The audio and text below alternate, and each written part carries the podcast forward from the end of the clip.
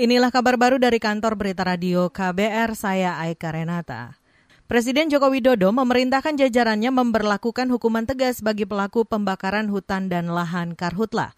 Hal ini disampaikan Jokowi saat rapat koordinasi nasional kebakaran hutan dan lahan 2021 di Jakarta hari ini.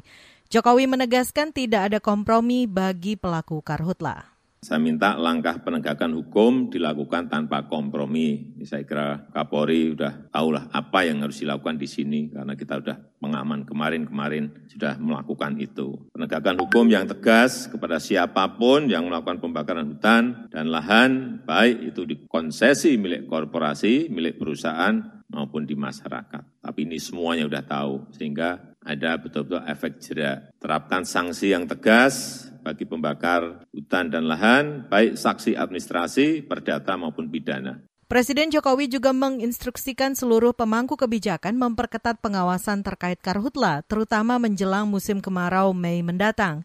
Hal itu dilakukan agar Indonesia tidak malu saat pertemuan negara-negara ASEAN, sebab pada ASEAN Summit ada sejumlah negara yang membahas karhutla.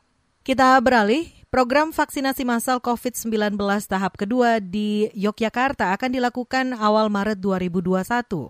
Vaksinasi itu akan dilakukan di tiga lokasi antara lain Benteng Fredeburg dan Taman Parkir Abu Bakar Ali. Hal ini disampaikan Menteri Kesehatan Budi Gunadi Sadikin saat bertemu dengan Gubernur DIY Sri Sultan Hamengkubuwono ke-10 kemarin. Saya ngadep sini matur sama minta izin dengan saudara karena rencananya tanggal 1 Maret ini kita mau mengadakan acara di Pasar Beringharjo vaksinasi ke pedagang-pedagang pasar. Nah, minta izin ke beliau sebagai tuan rumah, mudah-mudahan bisa lancar acaranya. Itu tadi Menteri Kesehatan Budi Gunadi Sadikin. Sementara itu Gubernur DIY Sri Sultan Hamengkubuwono X menjelaskan vaksinasi COVID-19 akan diberikan kepada seluruh pedagang pasar termasuk pedagang keliling.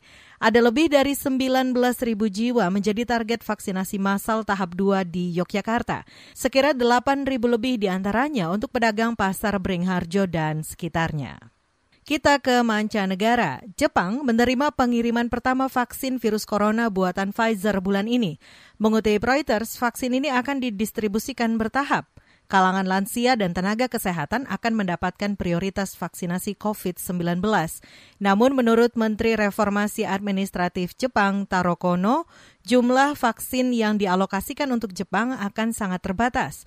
Pemerintah Jepang juga telah bernegosiasi agar bisa mendapatkan lebih dari 500 juta dosis vaksin virus corona yang dikembangkan produsen obat dari negara-negara barat.